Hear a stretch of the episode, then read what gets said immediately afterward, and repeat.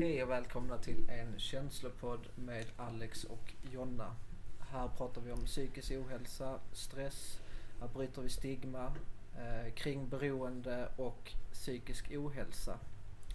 Ehm, ja, idag har vi med oss Alex och vi har med oss Jonna. Och sen har vi även Jajamän. en liten överraskning. Vi har en underbar, fin tjej, dam, eh, som jag har lärt känna under min resa hit eh, och beundrar henne i stort och mycket eh, och välkomnar henne in, Yvonne.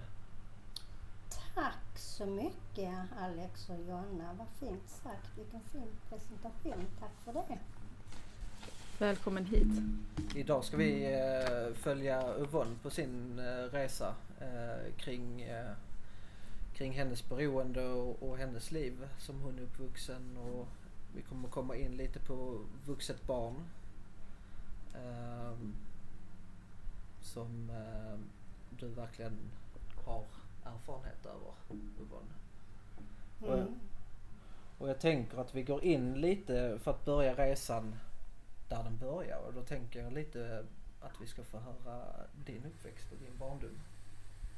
Eh, så det är bara att börja starta resan. När började liksom, var är du uppvuxen och var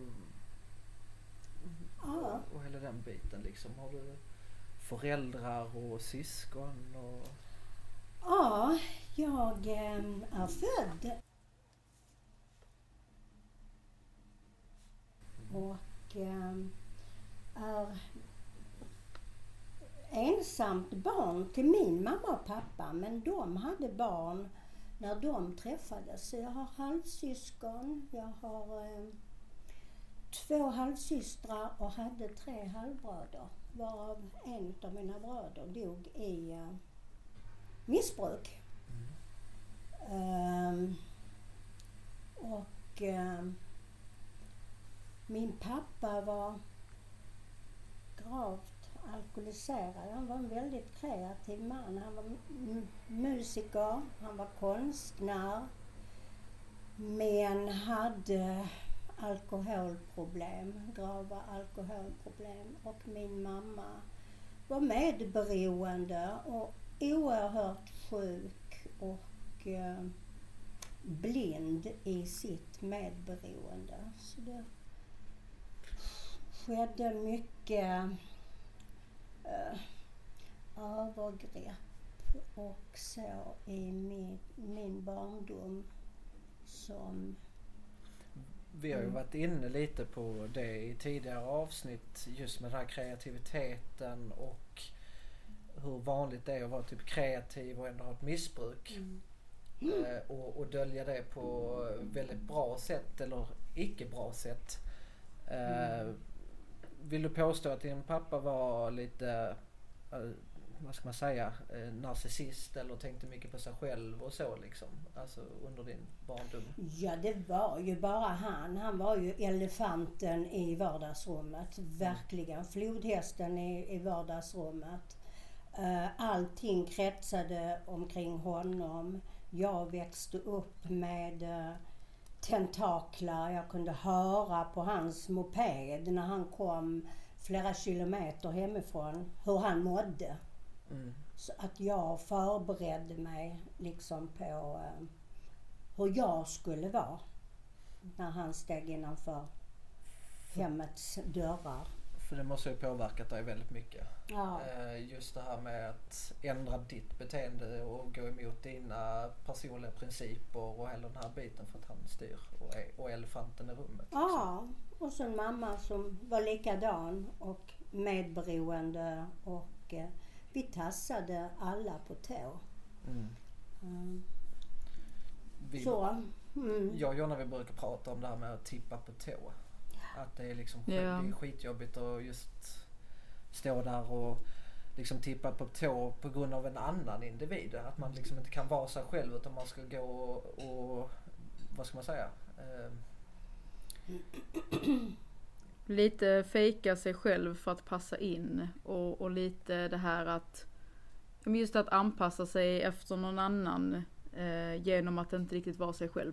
Ja. För att man vågar inte eller man Mm. kan inte av någon anledning. Det var nog det här anpassa som jag ville komma fram till. Att man måste anpassa sig. lite. Mm. Men vad hände sen då? Ehm, du har syskon och du har en bror som har eh, gått bort i missbruket. Eh, hur var dina första år där? Vi kan hoppa in på 5, 6, 7, 8 liksom.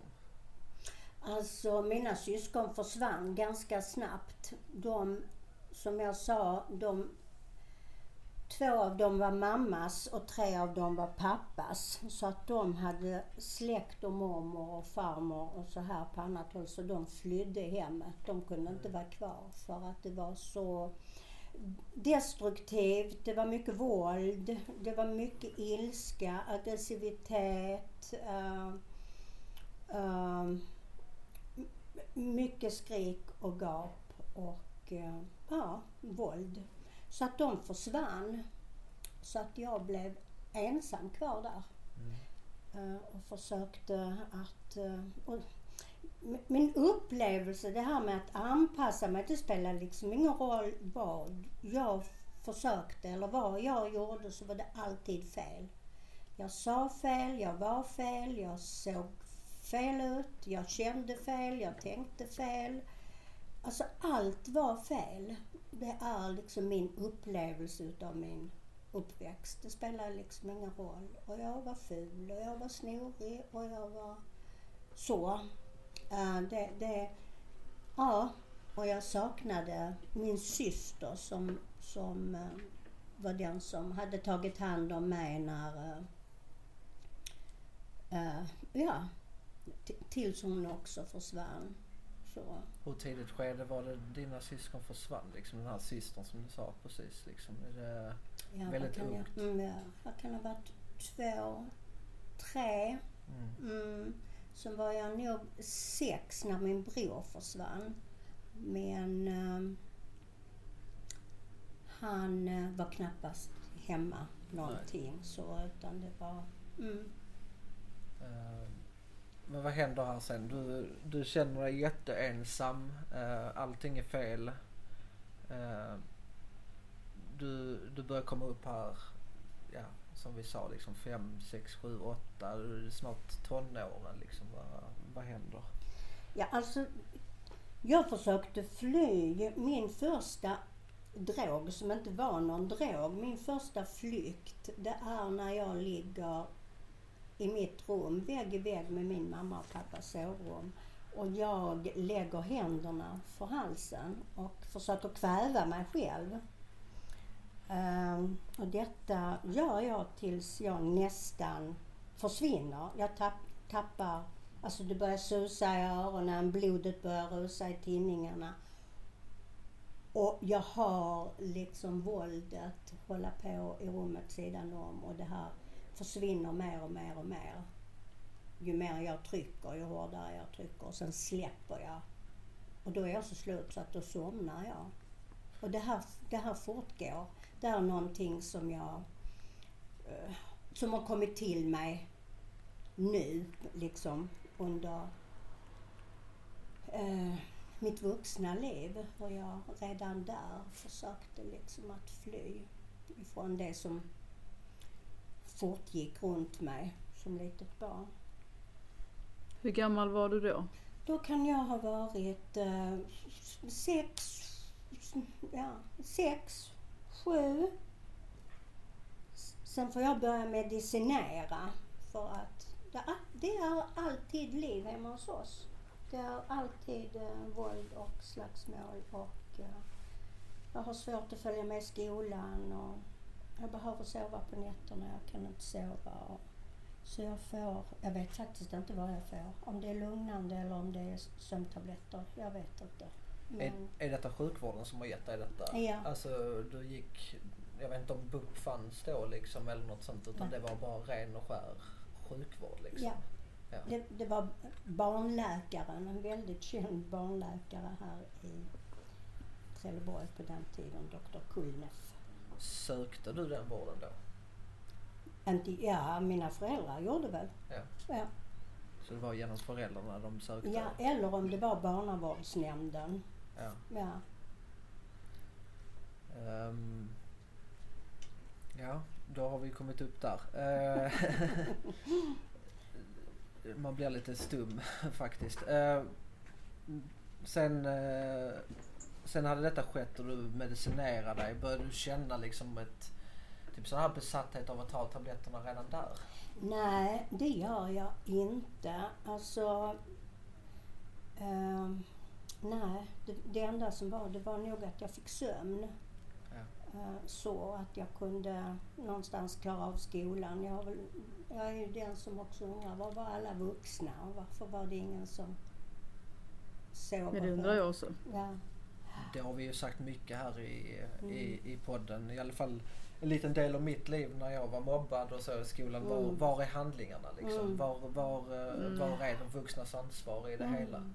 Jag vet att mina föräldrar stod ju alltid upp för mig och alltid gjort Mm. och försökte i sin makt. Men de kände ju också att det var skolan Mm. i sig som hade ansvaret. När jag var i skolan så skulle de ha ansvar. Men de tog ju, Såklart. mina föräldrar har ju alltid tagit sitt ansvar Mm. eh, och, och, och gjort det de kan. Eh, Men eh, det har alltid fallerat någonstans. Mm. Precis som du är inne på. Eh, Just det här med var, var är de vuxna någonstans? Mm. Och var, var kan man någonstans fånga upp den här personen som är utsatt? Ja, nej det var... Men jag tänker, jag tänker skolan där, när du väl var i skolan, kände du dig trygg där? Alltså var det lite som en, en flykt i sig att var det skönt att gå till skolan för då kom men du hemifrån? Mm, det tyckte jag. Första, andra, tredje klass. Mm. Så eh, sen hände det ju där i fjärde, femte, sjätte. När jag började fjärde så umgicks jag med de som gick i sjätte. Och, alltså jag kände mig så... Alltså jag var inte den som lekte eller bolla bollar eller hoppa husseband. Eller, jag kände mig... Jag, jag kände mig vuxen. Alltså jag fick ta så stort ansvar hemma. Och det var så mycket lögner att hålla reda på. Jag hade liksom svårt att ha roligt och leka. Och Det var så mycket hemligheter. Och svårt med kompisar och att de skulle följa med hem och sådär. Och, men i skolan så, så kunde jag ändå liksom försöka att vara Mm. det barn som jag förstod att jag försökte släppa det här vuxenansvaret Ja, lite. ja, lite så. Sen, ja, men när jag kom upp i fjärde och så där på mellanstadiet så tyckte jag att det var barnsligt. Att, mm, Mm. då började jag umgås med de som var äldre, så jag började röka. Jag började sniffa. Ja, jag började skolka. Ja, ja, jag gick till skolan men jag var liksom inte på lektionerna. Lite sånt korridorsbarn liksom. Lite så. Mm. Man eh, hänger i korridoren bara för att Ja, alltså och på lite för, toaletterna. ja, Mm. för att gömma sig lite. Mm. Men, ändå, men, men ändå vara där. Ja, komma hemifrån. Ja. Ja. Mm. När du väl var hemma, var det mycket, alltså fick du ta ansvar för hushållet? Alltså jag tänker matlagning och allt sånt? Nej, och- nej, det fick nej. jag inte göra. Det, det gjorde mamma. Men alltså jag fick, alltså jag försökte att lugna pappa. Jag försökte, det var mycket leta sprit. Det var mycket, ja, det var så mycket annat som jag kände att, och, och skydda mamma. För han, han slog väldigt sällan mig, men han slog min mamma. Och, Mm. och jag gick emellan som någon... eh, skyddsängel liksom. ja, Mm. så. Och vi skyddade varandra och hon var... Ja, men hon kom in till mig. Alltså, hon använde ju mig, det är jättesjukt. Hon använde mig som sitt skydd. Hon kom Mm. in till mig i mitt sovrum och vi låste dörren och han kunde stå utanför med yxa och hammare. Alltså, mm, det är ju inte riktigt... Alltså, sunt. Nej, Så att söka skydd, bakom inte. sitt barn. Nej, de här känslorna som du har liksom under den här tiden, just det här med att skydda mamma och allting. Alltså vad, vad leder de känslorna till? Alltså vad är det för känslor du går runt med och har den här tiden liksom? Ehm, Det var att jag tyckte väldigt mycket synd om min mamma. Samtidigt som jag alltid, alltid kände mig missförstådd. Eftersom jag aldrig riktigt eh, dög. Och det var ju liksom uttalat. Mm. Mm. var det mycket så nedlåtande kommentarer? Ja, det var det. Ja. Mm. Ja, Det bygger ju en dålig självkänsla. Mycket. ja, det gör det. Mycket. Man tror ju på det. Ja. Så att... ehm, ja. Och sedan började ju jag, alltså, vad är man när man går i fjärde, femte, sjätte? Så det är ju där jag liksom börjar plocka upp och dricka mellanöl och äta Magnesyl, kodein. Man kunde köpa mellanöl själv på den tiden. Så jag satt på lekplatsen och drack och blev full och redlös och tyckte att... Det är helt sjukt. Var det, det var för att dämpa alla känslor du hade? Ja, liksom, alltså för det var verkligen Bara, bara, bara få vara. befrielse. Ja. Det var en sån befrielse. Var det det redan första gången du testade? Ja, det var det. Ja, absolut. Och sen var jag väldigt mycket sådär så att jag ville prova på annat. Och jag, jag, jag tror att jag nådde botten i allt jag provade bara på några gånger. För det skulle vara så mycket utav allt. Mm, inget Mm. stopp liksom. Det är Nej, all in på allt liksom. Nej, och de, de som var med mig, de tröttnade ju på mig för att jag blev ju... Alltså jag vill ju bara vidare, jag vill ju bara ha mer. Och de, det blev ju konsekvenser. Och det, men för mig var det inte konsekvenser om jag slog mig eller om jag trillade omkull eller om jag... Alltså det var... Det tillhörde. Bara jag Mm. slapp, slapp och, och var. Och få känna. Ja. Mm. Jag slapp att känna ja. Ja, precis. Ehm, hur länge pågår detta? Har du liksom någon uh, tidsspann typ? Alltså jag tänker föräldrarna, hur, hur länge pågick allt detta innan det liksom blev någon sorts stopp? Och det blev aldrig något stopp. Det Alltså- blev aldrig något stopp. Det blev ett stopp när jag var 35. Oj. Ja, jag flyttade hemifrån när jag var 15. Mm. Då fick jag en hundvalp. Jag kunde inte ta hand om mig själv men jag fick en hundvalp och så flyttade jag till en rivningskåk här nere i stan. Och eh, där bodde jag som 15-åring eh, och det var musskit och det var eh, Ja, det var en rivningskåk och vägg i vägg med mig bodde en festprisse där alla var på helgerna. Så det var ju rena paradiset för mig att eh, bo där. Det, jag kunde liksom bara kliva ut från min dörr och in i hans dörr så var det full fest. Med allt vad som tänkas. Du börjar typ i fyran, femman säger du. Du är Mm. 10-11 år. Mm. Det är väldigt tidig debut. Eh, vad, hur, hur länge vill du säga att detta pågick liksom så väldigt aktivt? Liksom? Hade du några pauser däremellan utan det var liksom all in hela vägen liksom tills...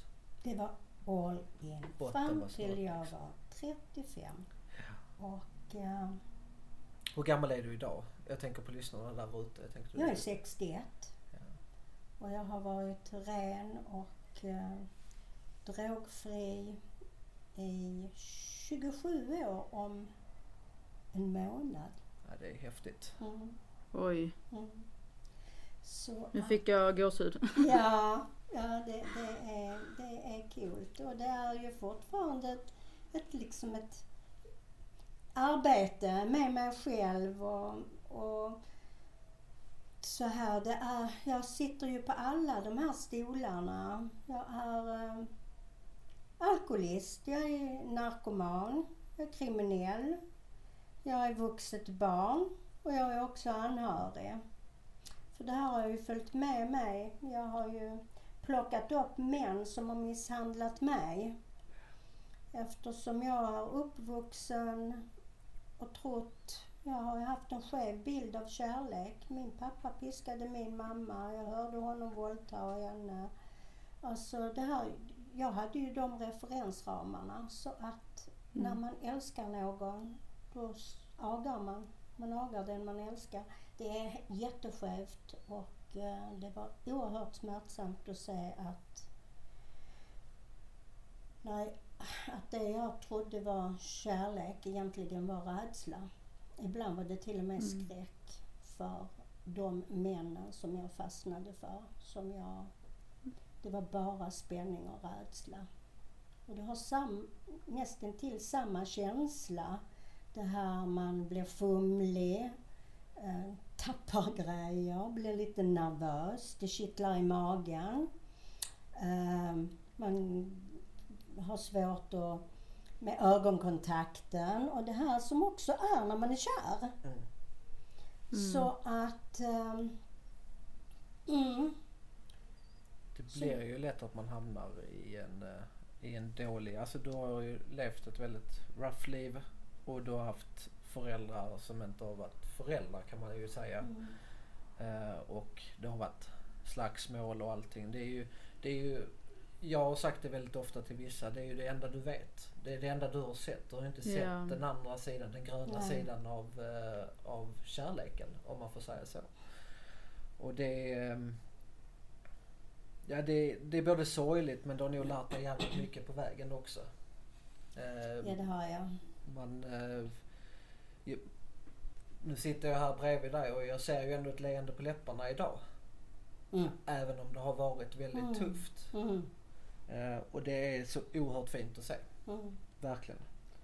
Uh, men då du snittar där 15, 16, 17 gymnasiet. Jag vet inte om du gick gymnasiet. Uh, men vad, vad händer därefter? alltså efter skolgången och när hoppar du av skolan och så liksom? Ja, jag, jag kommer inte in på någonting på gymnasiet. Jo, jag kom in på någonting som hette...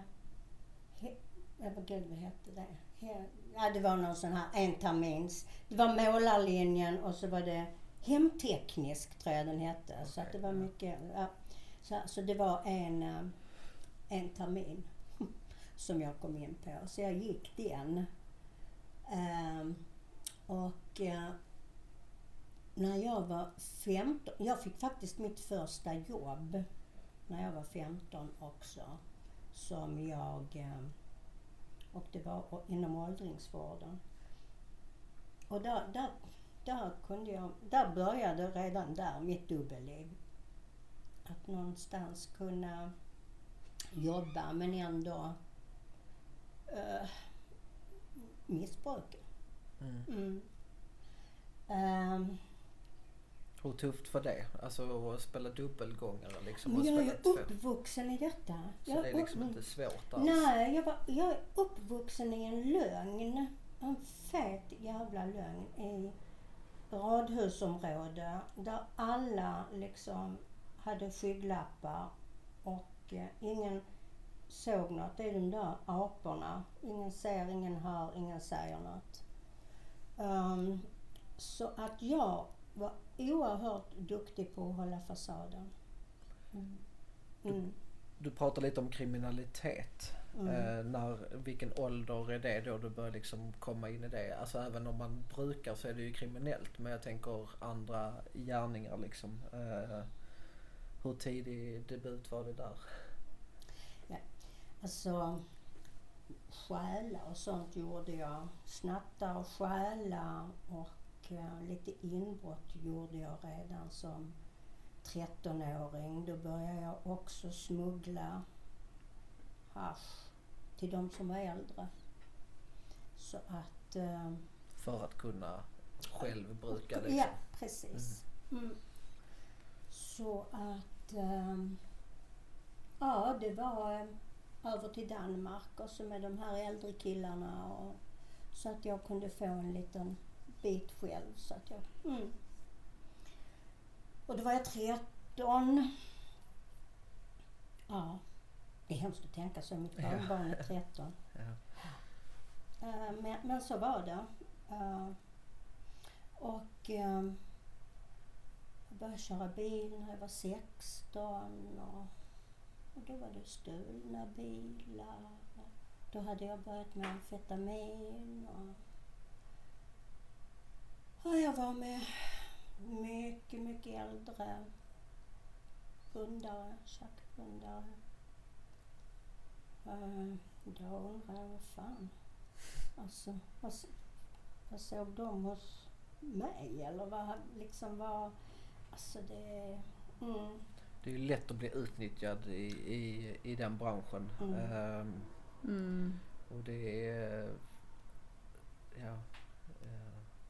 Men har du känt dig... Ja, du pratar om din mamma att du känner dig lite utnyttjad av henne för att vara skyddsängel.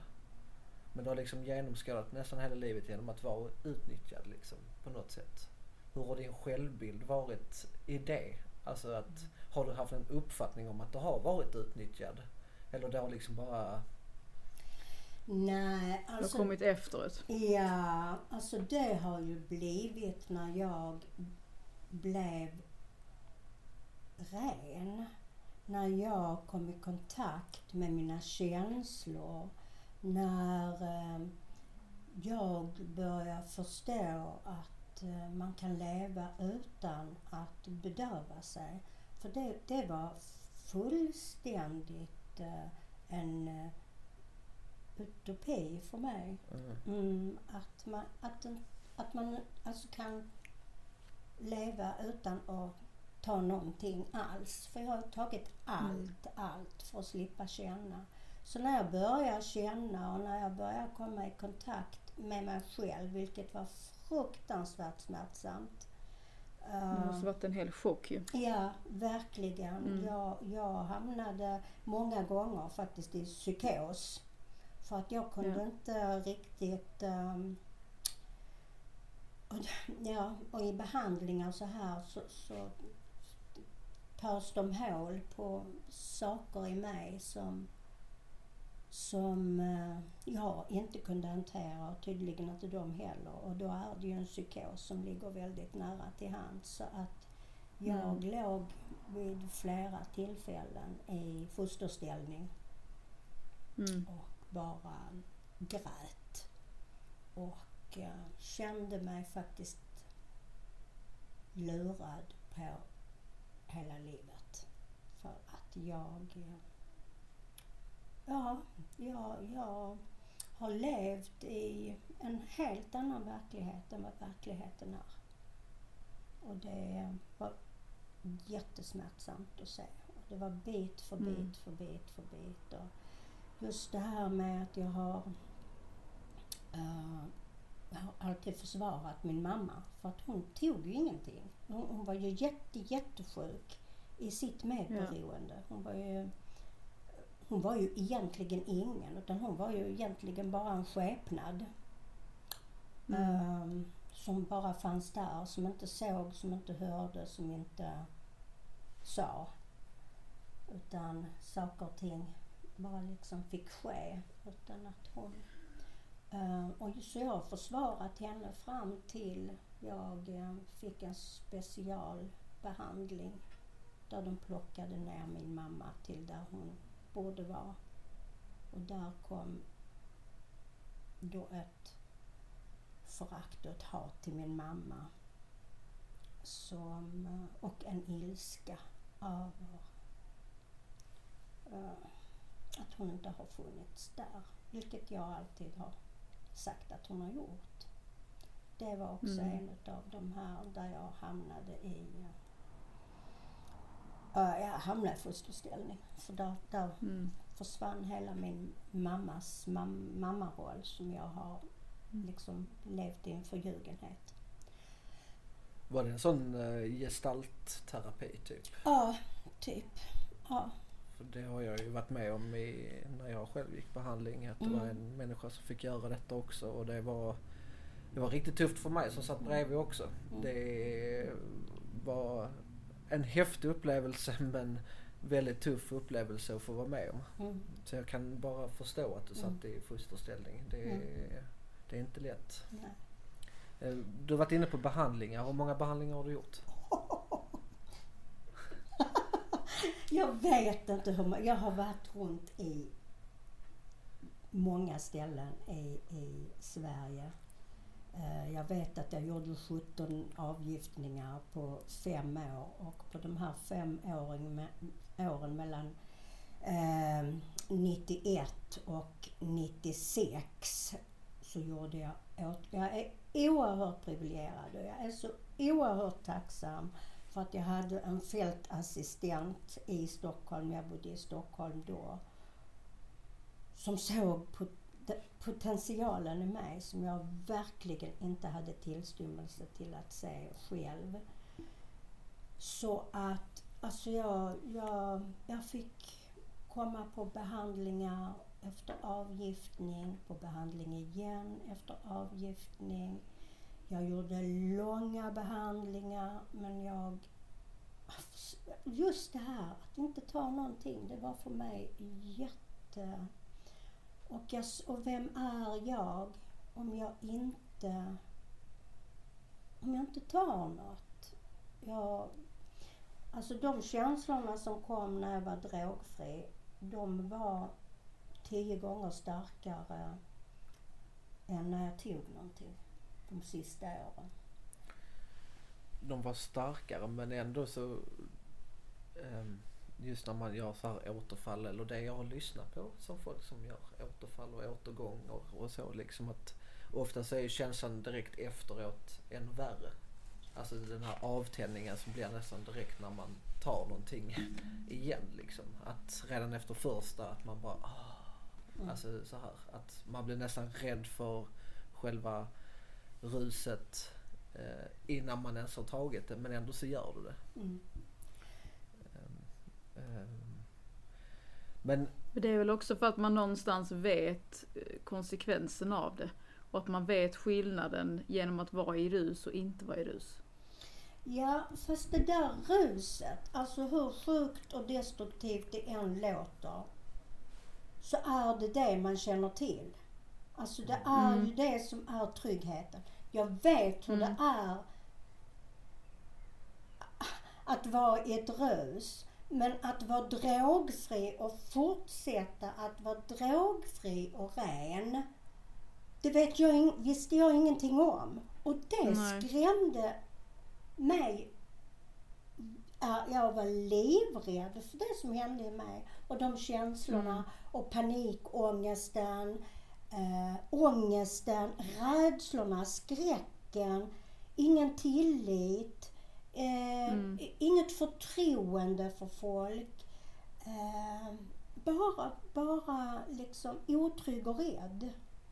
Så, så att det är ju inte konstigt att jag plötsligt får för mig att jag vill tillbaka till någonting Mm. som jag känner till, Nej. som jag har varit i i så många år.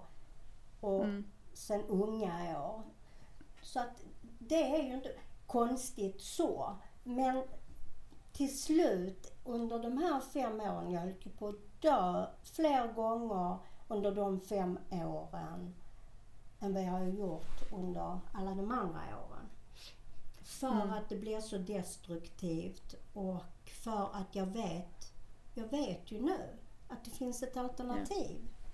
Mm. Det finns ett, ett bättre sätt att leva på. Hade ingen, Ja. har inte haft en aning om det. Ingen. Inte ens min pappa som åkte in och ut på torkar och hej och hå och aldrig blev nykter eller har blivit eh, erbjuden någonting som har gett någonting. Mm. Så, så att... ehm, ja, men när det blev så att jag inte kunde leva med drogerna, för de fungerade ju inte, precis som du sa Nej. Alex. Det, det, det var ju bara att slå i sig ångest. Mm. Mm. Eh, och avtändning direkt. Och skam och skuld och usch, och hur blev det nu så här? Lite så. Ja. Mm. För det börjar ju alltid någonstans. Det börjar ju alltid med att det är ju skitkul. Alltså i, i början är det ju skitkul om man har jävligt roligt och, och, och tar sig ett rus. Men till slut så blir det ju att, som du sa, alltså att man trycker i sig ångest mer. För att man vet att det är egentligen inget sunt sätt att leva på. Och den insikten har man ju fått, det får man rätt så tidigt vill jag nog påstå. I alla fall för mig var det så. Att eh, att det är inget sunt liv för mig att liksom dra i mig amfetamin eller kokain eller röka hasch. Men jag gör det ändå för att det är ändå kul. Men det är inte kul ju längre och längre djupare in du är i det. För då är det som Yvonne säger, du bara trycker i dig en massa ångest för att du vet att det här är egentligen inte rätt. Men på något sätt så har man ju sån stor rädsla.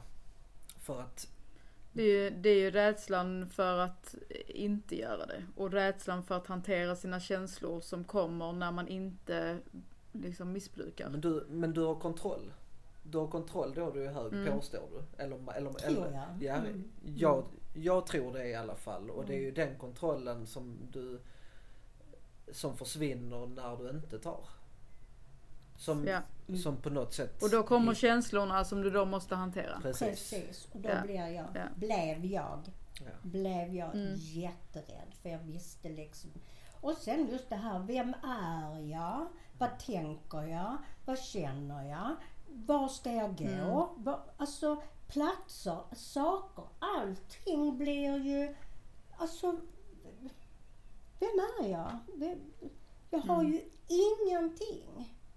Ut, Man har ingen identitet. Nej, precis. Nej. Exakt. Ingen identitet. Jag, jag tappade ju fullständigt. eh, Och jag, Men jag tänker där, du, du flyttade hemifrån. Eh, hur, men hur var relationen med dina föräldrar eh, liksom under den här perioden när du missbrukade? Hade du någon kontakt med dem överhuvudtaget? Och hur såg liksom relationen ut?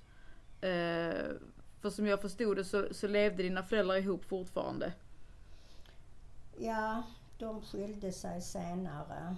Eh, Min pappa tog Okej. livet av sig. Så att... ehm, ehm, men... ehm, men det, det bara fortgår. Alltså jag kommer Mm. hem på, Alltså jag var 12 år när polisen körde mig hem första gången. Dyngrak. Eh, ifrån en skoldans där jag hade åkt raggarbil och ja, jag vet inte allt. Eh, och en platåtoffel och nerspydd och så. Mm. Så att, eh, nej men det man inte ser, det finns inte. Det är så jag är Mm. uppvuxen. Jag, jag tror jag har Mm. ropat på hjälp eh, från, eh, ja, ända upp i vuxen, vuxen ålder. Ja, Mm så. Eh, ja. Jag tänker lite din kapitulation inför ditt beroende. Du är 31 år gammal. Eh, du går in fullhjärtat in i detta då. Liksom att förbli nykter. Tänker jag. Eller kanske inte riktigt fullhjärtat men vad är det?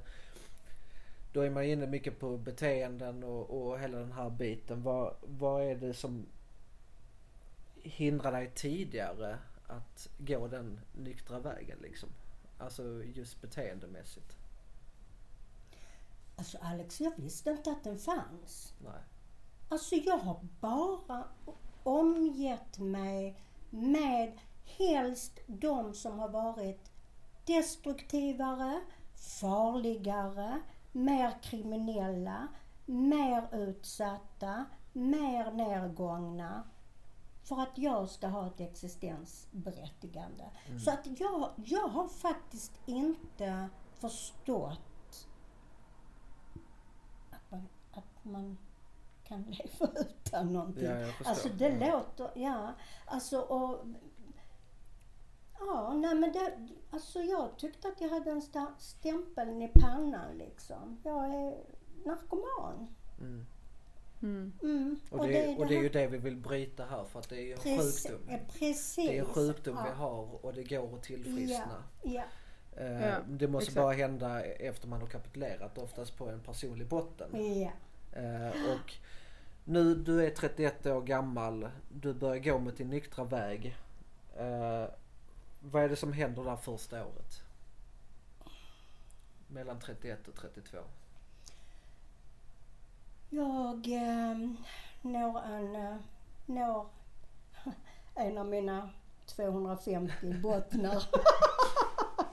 eh, det- den här fältassistenten har sett mig. Jag kommer upp på socialkontoret och ber om hjälp faktiskt. Och denna mannen säger till mig, vilket gör mig vettskrämd också. Dig har vi väntat på, sa han. Mm. Och jag tyckte att det var jätteobehagligt att han sa så. För jag har ju känt mig paranoid de senaste 20 åren liksom. Eh, Men eh, då säger han så här till mig. Yvonne, vad är du villig att göra? Allt! Allt! Säg vad jag ska göra så gör jag det. Och då sa han.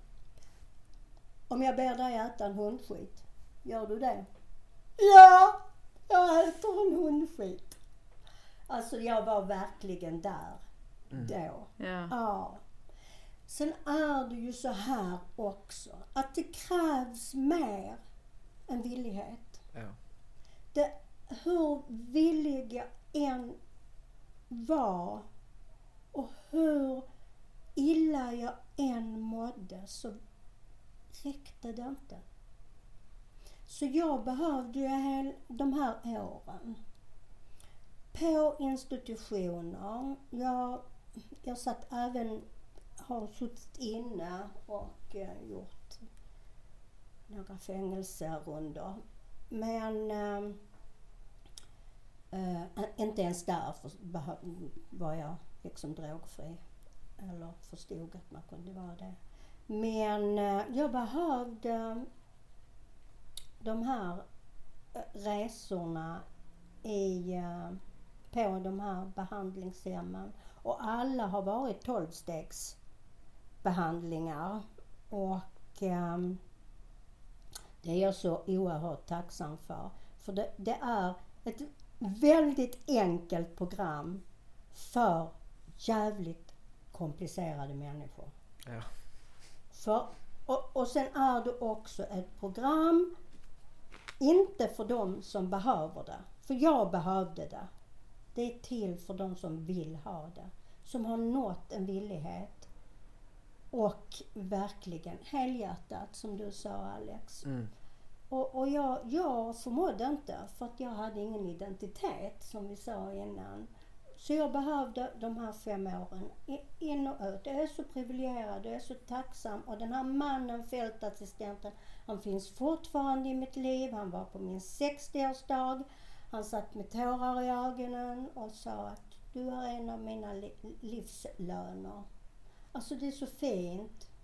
Och jag är där och hälsar på han och hans fru eh, när jag är i Stockholm. Och han kan ringa mig och be om tips och råd. Alltså, det är så fint. Jag är så oerhört tacksam att han såg någonting i mig. Och han har kämpat för mig och han har varit medberoende till mig. Och han har gjort så mycket för mig.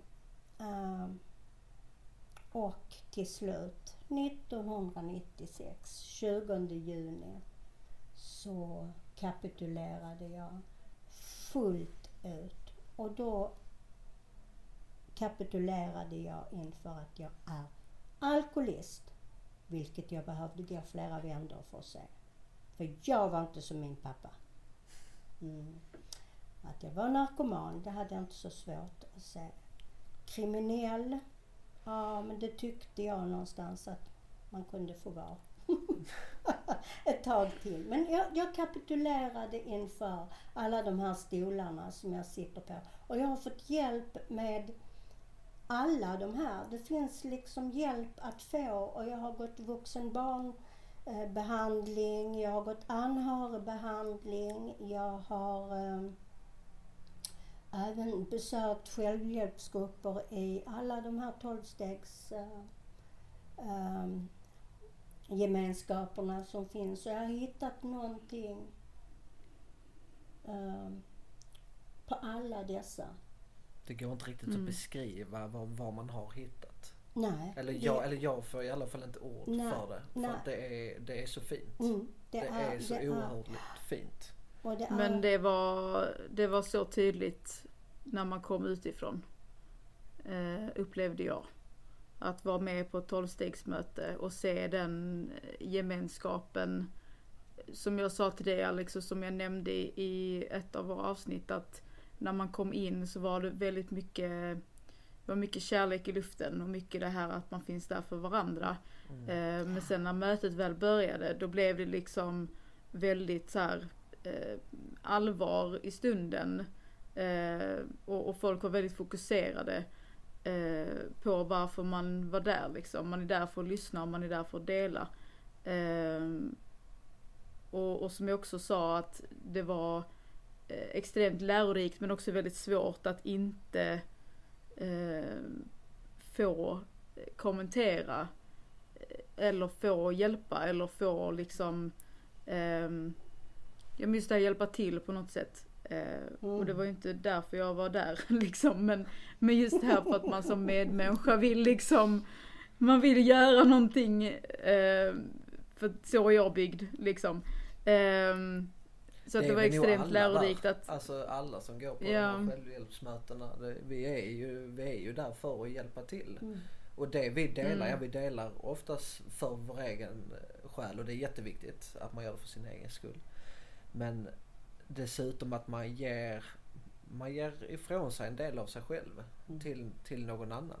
Som är, det är obeskrivligt. Det är faktiskt obeskrivligt. mm, Sen är, mm, sen är det ju också så, tänker jag, att ju mer jag ger bort utav mig och min historia, ju Mm. mer får jag behålla och ju mer förankrat blir min historia i mig. Mm. För ju mm, mer exakt. jag ger bort, ju mer får jag behålla. Och den ekvationen, Mm. den tror jag inte finns på många ställen. Nej. Så, mm. Sen skulle jag också vilja tillägga någonting. Jag är också av den här... Alltså jag, jag är, Det låter ju liksom knepigt, men jag är så tacksam att jag hittade drogerna. Ja. Jag, jag... Alltså, jag vet inte var jag skulle varit idag om jag inte hade fått den flykten och den befrielsen. ehm, när jag var så ung som jag var. Eh, och att liksom få känna att jag kan... Att det fanns någonting annat än bara detta... Ja, Men det, kriget som pågick hemma. Ja, och, jag- och, och jag tror det är både krig hemma och jag tror även det är krig i huvudet. Mm. Och genom Mm. att få fly i några sekunder eller timmar har ändå betytt jävligt mycket för en för att sen komma hit Mm. och kapitulera och Mm. lära sig alla stegen och hur man... Mm. Alltså hade, eller hade man inte hittat till eh, alltså både behandling eller till självhjälpsgrupperna så hade jag ju inte haft de här verktygen för att kunna hantera mitt eget knäppa huvud. Och det hade ju slutat på Ja. ett sätt och det är döden. Mm. Det är Mm. ju självmord eller så är det att man Mm. eh, tar någonting för mycket eller Men oftast leder det ju till självmord. Mm. För att man inte Mm. pallar med sig själv Mm. och man pallar inte känna allt det man känner för att det är väldigt komplext i huvudet. Mm. Och det är den här Man vet inte hur man ska liksom. hantera det. Nej det är ju mycket självcentrering. Och det är Ja. mycket mycket i sig själv. Alltså hur man själv tänker. Eh, så egentligen, ja, alltså man kan gå runt och ha mycket harm på massa andra men man måste också kunna se sin egen del i, i Mm. det stora. Mm. Mm. För, för, för ser du inte och går in i dig själv då kommer du inte komma ut ur det. Nej.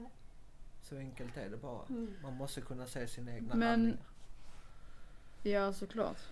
Men jag tänker, sen blev du mamma. Ja. Hur var den omställningen liksom? Och allt vad det innebär.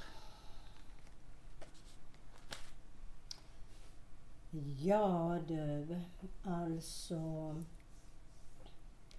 Ja, det var ju en omställning och eh, men det var ju ingenting som fick mig till att eh,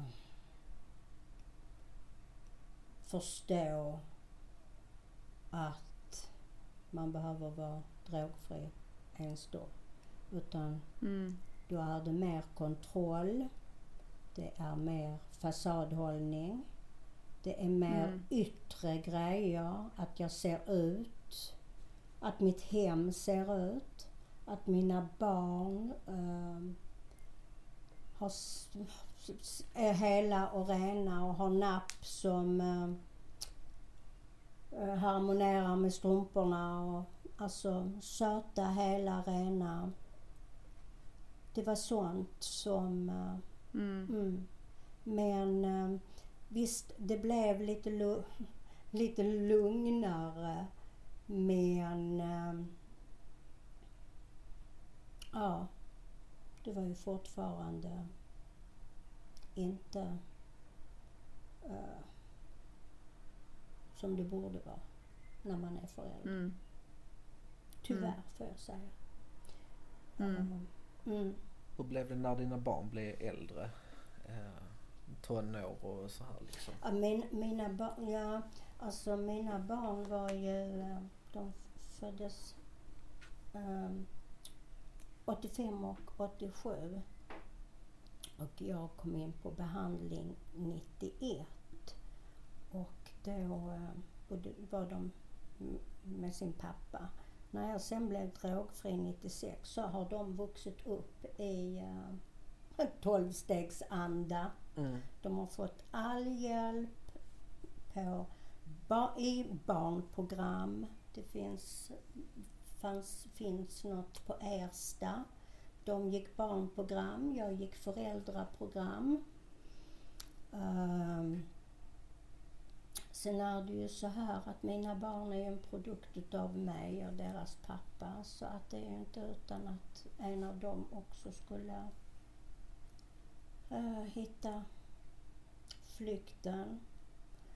Så, men det vill jag inte gå in på utan det är, hen, det är, hennes, det är hennes historia. Det, Nej. absolut, det Men- behöver vi inte Nej. gå in på överhuvudtaget. Nej, men jag tänker där blev ju mitt medberoende eh, Mm. väldigt, väldigt påtagligt och eh, det blev geografisk flykt och det, ja, så. Så att jag har gått igenom ett smärtsamt medberoende också.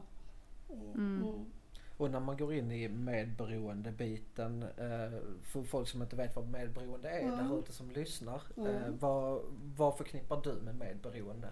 Alltså vad är vägen till att bli medberoende? Som sagt? Medberoende är för mig när, när någon annans Eh, destruktivitet eh, blir på bekostnad av mig, mitt liv, eh, mitt mående, min tid, min kontroll.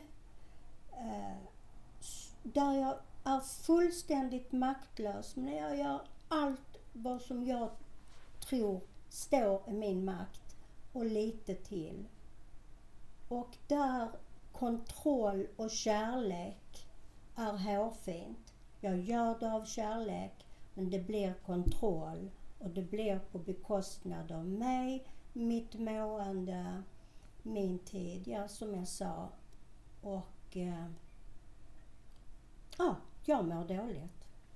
Som, eh, som min terapeut sa när jag började haja grejen Mm. med, med medberoende. Det var när han, när han tog upp ett sånt här eh, citat, eller inte citat men där han sa liksom att ja, du ringer din mormor och morfar till exempel och så svarar mormor och så säger, så säger jag hej hur är läget? Och sen så säger då mormor hej Jan, uh, hur mår du idag? Jo, nej han, han, han mår bra för han drack inte idag. Uh, men jag frågar inte det utan jag frågar hur mår du? Jan, hur mår du? Eh, och då, Man är inte då, sin då, egen då, person. Då, då är du ju verkligen i fällan. Alltså då, som du sa, liksom, då, då är man så jäkla styrd av, av en annan människa Mm. och deras mående. Så att det blir så konkret att jag frågar hellre han Mm. än att svara för, för min egen skull. Mm. Det vill jag ju förknippa väldigt mycket med, med Ja. beroende att det är en familjesjukdom. Ja. Så enkelt är det och det, är- det, det är svårt att ta det ifrån. Och man känner den andras känslor istället för att ha egna. Så mår den dåligt mår jag dåligt. Mår den, skrattar den så skrattar jag. Alltså det blir, det blir inte mitt utan det blir den andras. Ja. Och, Ja. och där byggde ju min rädsla. Så in i bomben var jag, alltså då kom ju de här skam och skuldkänslorna Mm. in. Mm. När jag förstod Mm. att jag har styrt någon annans. Mm. Och där förstår jag min självcentrering. Något så in i bomben för att jag inte kunnat se det. Mm. Eh, Men idag kan jag se det med helt andra ögon och idag försöker jag verkligen eh, gå den andra vägen Mm. så att säga. Att inte låta någon annan styra mig själv utan att jag får vara jag Ja. och hitta min egna Mm. identitet. Mm. Och inte... Men Det- det, men det är svårt. Tycker Det jag. är jättesvårt. Och likadant det här jag tänker att bli påverkad av någon annan när den är ledsen eller... Alltså jag, tänk, jag, jag menar inte nu empati Nej. och så utan att jag tar med mig det Ja. och, och låter det bli mitt. Så, ja. Ja, det blir ju oftast mitt. Alltså på någon annans bekostnad. Ja, Mm. Och det, det är ju ja inte... på din bekostnad. Ja, ja, ja, det är, ja, mm. jo, ja, Mm. det är ju faktiskt på min bekostnad Mm. eftersom jag har Mm. tagit känslorna Mm. eh, till mig själv liksom. Och, eh, Som inte är dina. nej. Nej, är jävla dumt att inte låta den andra känna det den känner utan att vi ska bära runt på det också. Det räcker ju liksom att en... Men där kommer man in på högkänsligheten också som verkligen har, Absolut. eh, Ja. Mm. alltså jag tänker för din eh, bild Jonna, liksom att vara, eller ja, Ja. både jag och jag är också högkänslig så jag har ju väldigt lätt att hamna i det där. Eh, väldigt tydligt också. Men jag är, i, i, idag kan jag vara ärlig och, och säga att jag sitter i den. Istället. Mm. För att vi är inte mer än vanliga människor. Nej, jag är också högkänslig. Är det en stol till jag sitter på då? Ja det är det. Men det är ju faktiskt så att 30% av världens befolkning är högkänsliga så det är en väldigt stor del så det är ju inget konstigt att Nej. vara det. Nej. Utan jag tror faktiskt det, det är både för och nackdelar. Men just i beroendevärlden så är det en väldigt nackdel. Mm. För det är ju lätt att, att, Ja. att fastna där igen Mm. På grund av Absolut. sin egen bekostnad. Ja. Eh, Ja. och, och bli styrd över sina egna känslor. Mm. Och det är där man försöker sätta stopp. Eh, och, och bryta sina känslor ner i, i partiklar. Istället för att göra den, så förstora den. Mm. Så försöker man liksom dra ner på det och göra det till molekyler istället Mm. för att göra det till en stor atombomb. Eh, Mm. men små molekyler kan också bli en stor atombomb. Absolut. Samla, samla ihop Men- det så jäklar anamma kan det smälla hårt. Ja. Mm. Verkligen. Jag Jag, jag tänkte på, det, dina föräldrar skilde sig. Hur fick din mamma hjälp efter det? Nej. Nej. Nej. Nej. Nej. Nej. Nej, det som jag är tacksam för det är för att när jag sen blev ren och drogfri så... Och det, det, jag valde ju att be någon om vägledning och så, så som det rekommenderas. Och, alltså de flesta sa till mig, alltså, gör slut på relationen med din mamma för att hon bara förpassar ju dig till maskstadiet. Det som var? Ja, ja, nej, men hon, det, Nej. fortfarande när hon öppnade dörren så fick jag höra, hur fan ser du ut? Eller Ja, ja, sätt okej. upp Ja. håret eller ta ner håret eller vad fan har du på dig? Eller hur fan ser du ut? Ja, det var alltid så. Och så nästa gång jag kom hem, men då hade jag satt upp håret. Mm. Och så då var, hade jag fått skatbo på huvudet. Det var alltid, Mm. alltid så. Och, och, och det gör ju ont. För egentligen, Ja. man vill ju, alltså till och med liksom när jag är, nästan 50 år så vill jag bara höra min mamma säga ja, att jag är fin eller att jag är, ja, Jag- att jag är jag älskar välkommen. dig, liksom. Ja, ja, gud ja. Ja. Men jag gjorde aldrig det här utan jag flyttade ner när min mamma blev sjuk och jag tog Ja, jag tog hand om henne. Jag satt i tre månader varje dag på sjukhuset. Hon fick cancer och jag är så oerhört tacksam för det. För under de här tre månaderna så fick jag höra att hon älskade mig. Mm. Hon var stolt Mm. över mig. Hon sa till och med en gång, snälla gå inte ifrån mig. Jag vill att du ska stanna. Hon var så rädd, hon var så rädd. Hon hade så mycket demoner. Ehm, för att hon var så sjuk. Och Mm. det lever jag på idag. Jag lever i kärlek till min mamma. Jag slipper hata henne. Jag slipper leva i förakt och bitterhet till min mamma. För jag fick, jag fick det här, det är de, de tre månaderna. Och jag kan leva i, i försoning med min mamma. Mm. Oavsett. Mm. Och jag tänker också, vad var hon utsatt för när hon var liten? Alltså hon måste ha varit, gått igenom...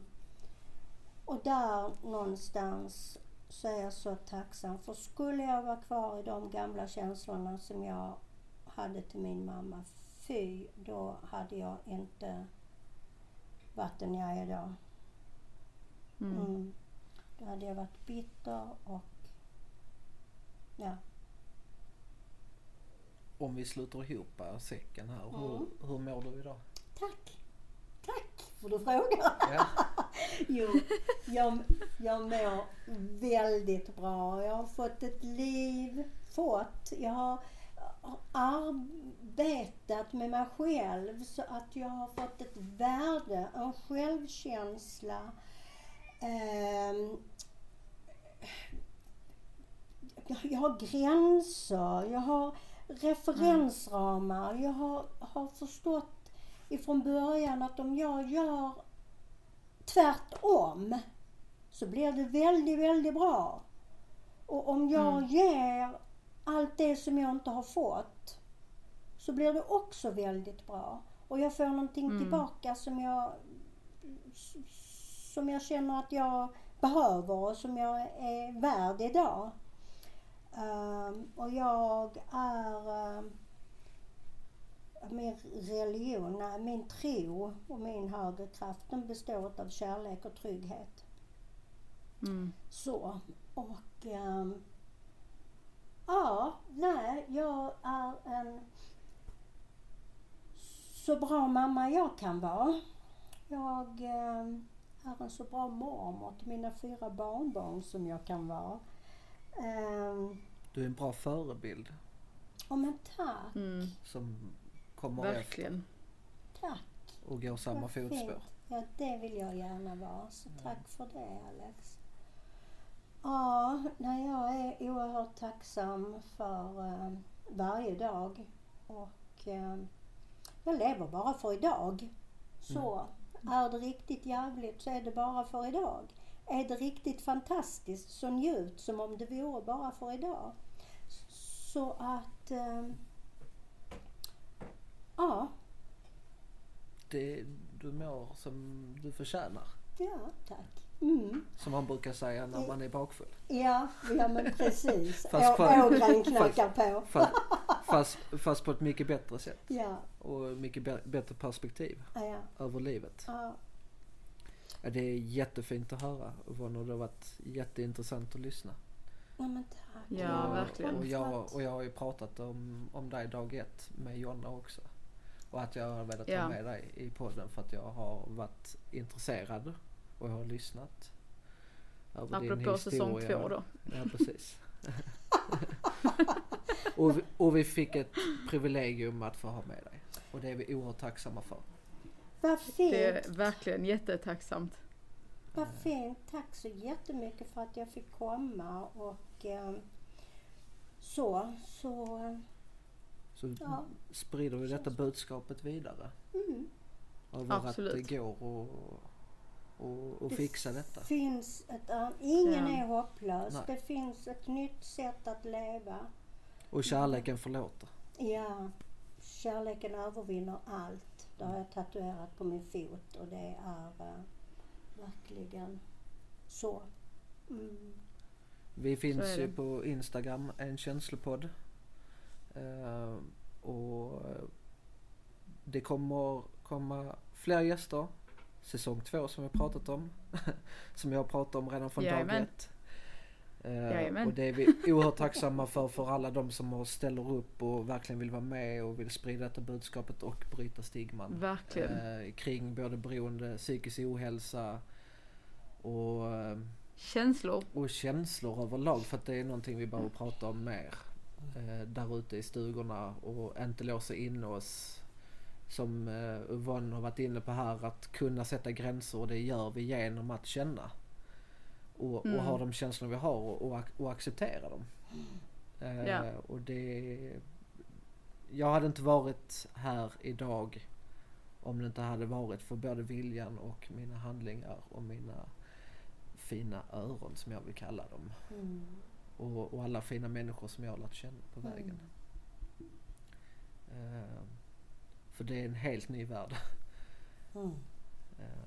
Får jag, se- får jag bara tillägga en sak till Absolut. som också har varit alltså um, Tolvstegsprogrammet i all ära men ibland så behöver man någonting mer. Så Mm. Jag har även 17 år av terapierfarenheter så jag har behövt detta för att också eh, behandla mina trauman mm. som jag har Mm. blivit utsatt för. eh, ja, både under barndom och under mitt eget liksom, missbruk.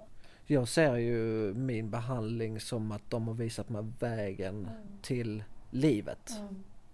Och att tolvstegsvärlden är mer liksom så här att påminna sig själv Mm. hela tiden för var jag är idag. Mm. Bara för idag. Mm. Och även liksom att påminna sig själv om att nu har jag gjort det här och nu ska jag bara fortsätta. För det, det finns ingen återvändo. Det finns en återvändo men, men jag vill ju inte dit. Nej. Och därför måste jag ju gå kontinuerligt på mina självhjälpsmöten. Att vara här och nu Ja. och inte framåt i tiden eller bakåt i tiden. Utan, Nej.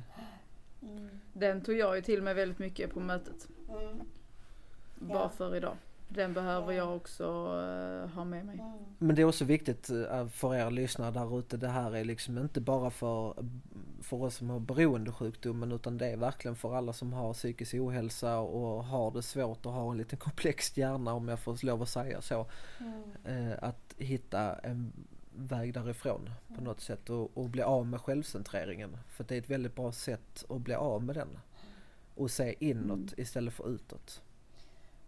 Och sen har jag ju också, jag har ju massor av symptom på olika diagnoser. Mm. Och jag har gått igenom utredningar men det, det går inte att sätta någon diagnos på mig eftersom min barndom har sett ut som den har gjort. Så det finns liksom ingen... eh, Den har påverkat så mycket liksom. Ja, och så finns det ingen bakgrunds... eh, så. Men det har varit så okej. Det, har- det är så okej att vara jag idag med alla konstigheter Mm. som liksom har blivit på, på livets stig. För jag är väldigt, väldigt mycket utav så mycket. Ja det är det. Och, ja, och jag är så himla, himla glad. Eller så är jag så himla, himla ledsen. Eller så är jag så... Alltså det är så... Det, ja, det är väldigt mycket. Och med väldigt mycket energi eller ingen energi alls. Eller, alltså det... Mm, Men det var väldigt, det var väldigt härligt när jag träffade dig första gången just för att eh, när jag följde med på det här mötet Mm. och, och liksom visste inte alls riktigt vad jag skulle förvänta mig. Eh, och, och du kom liksom gående och bara så här, hej vad roligt, vill du ha en kram? mm, Och det kändes liksom verkligen som så här Mm. varmt välkomnande in i en, i en värld som, nu är inte jag liksom beroende eller någonting sånt, men, men i en värld som är okänd Eh, där jag har hört väldigt mycket, dels från Alex liksom, eh, och har, har lite kunskap om sen tidigare. Mm. Men aldrig liksom varit en, en del av eller få se med egna ögon. Mm.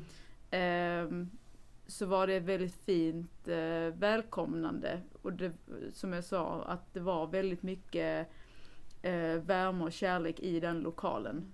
Och det var väldigt, väldigt tydligt. Mm.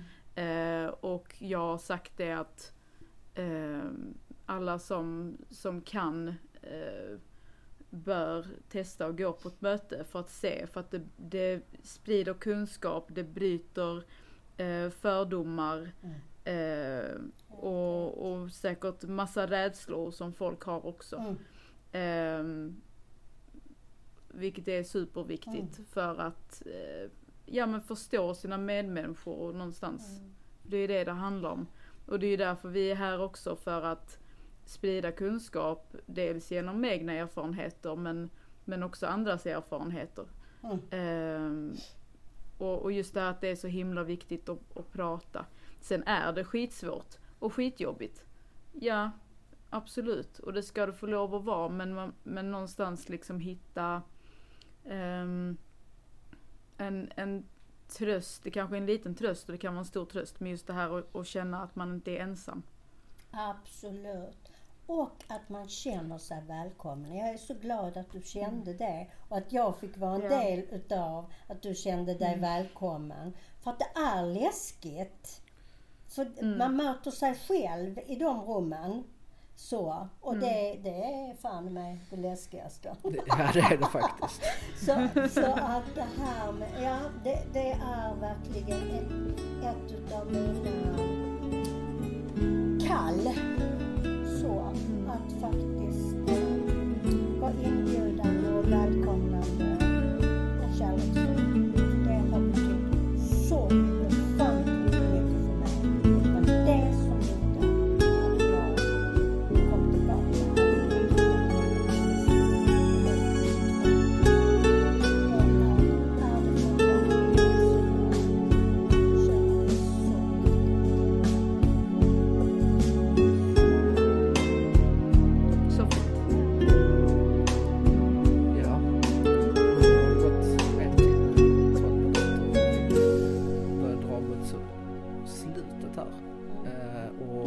det var, jag har sagt det tidigare, det var jättefint att du kom.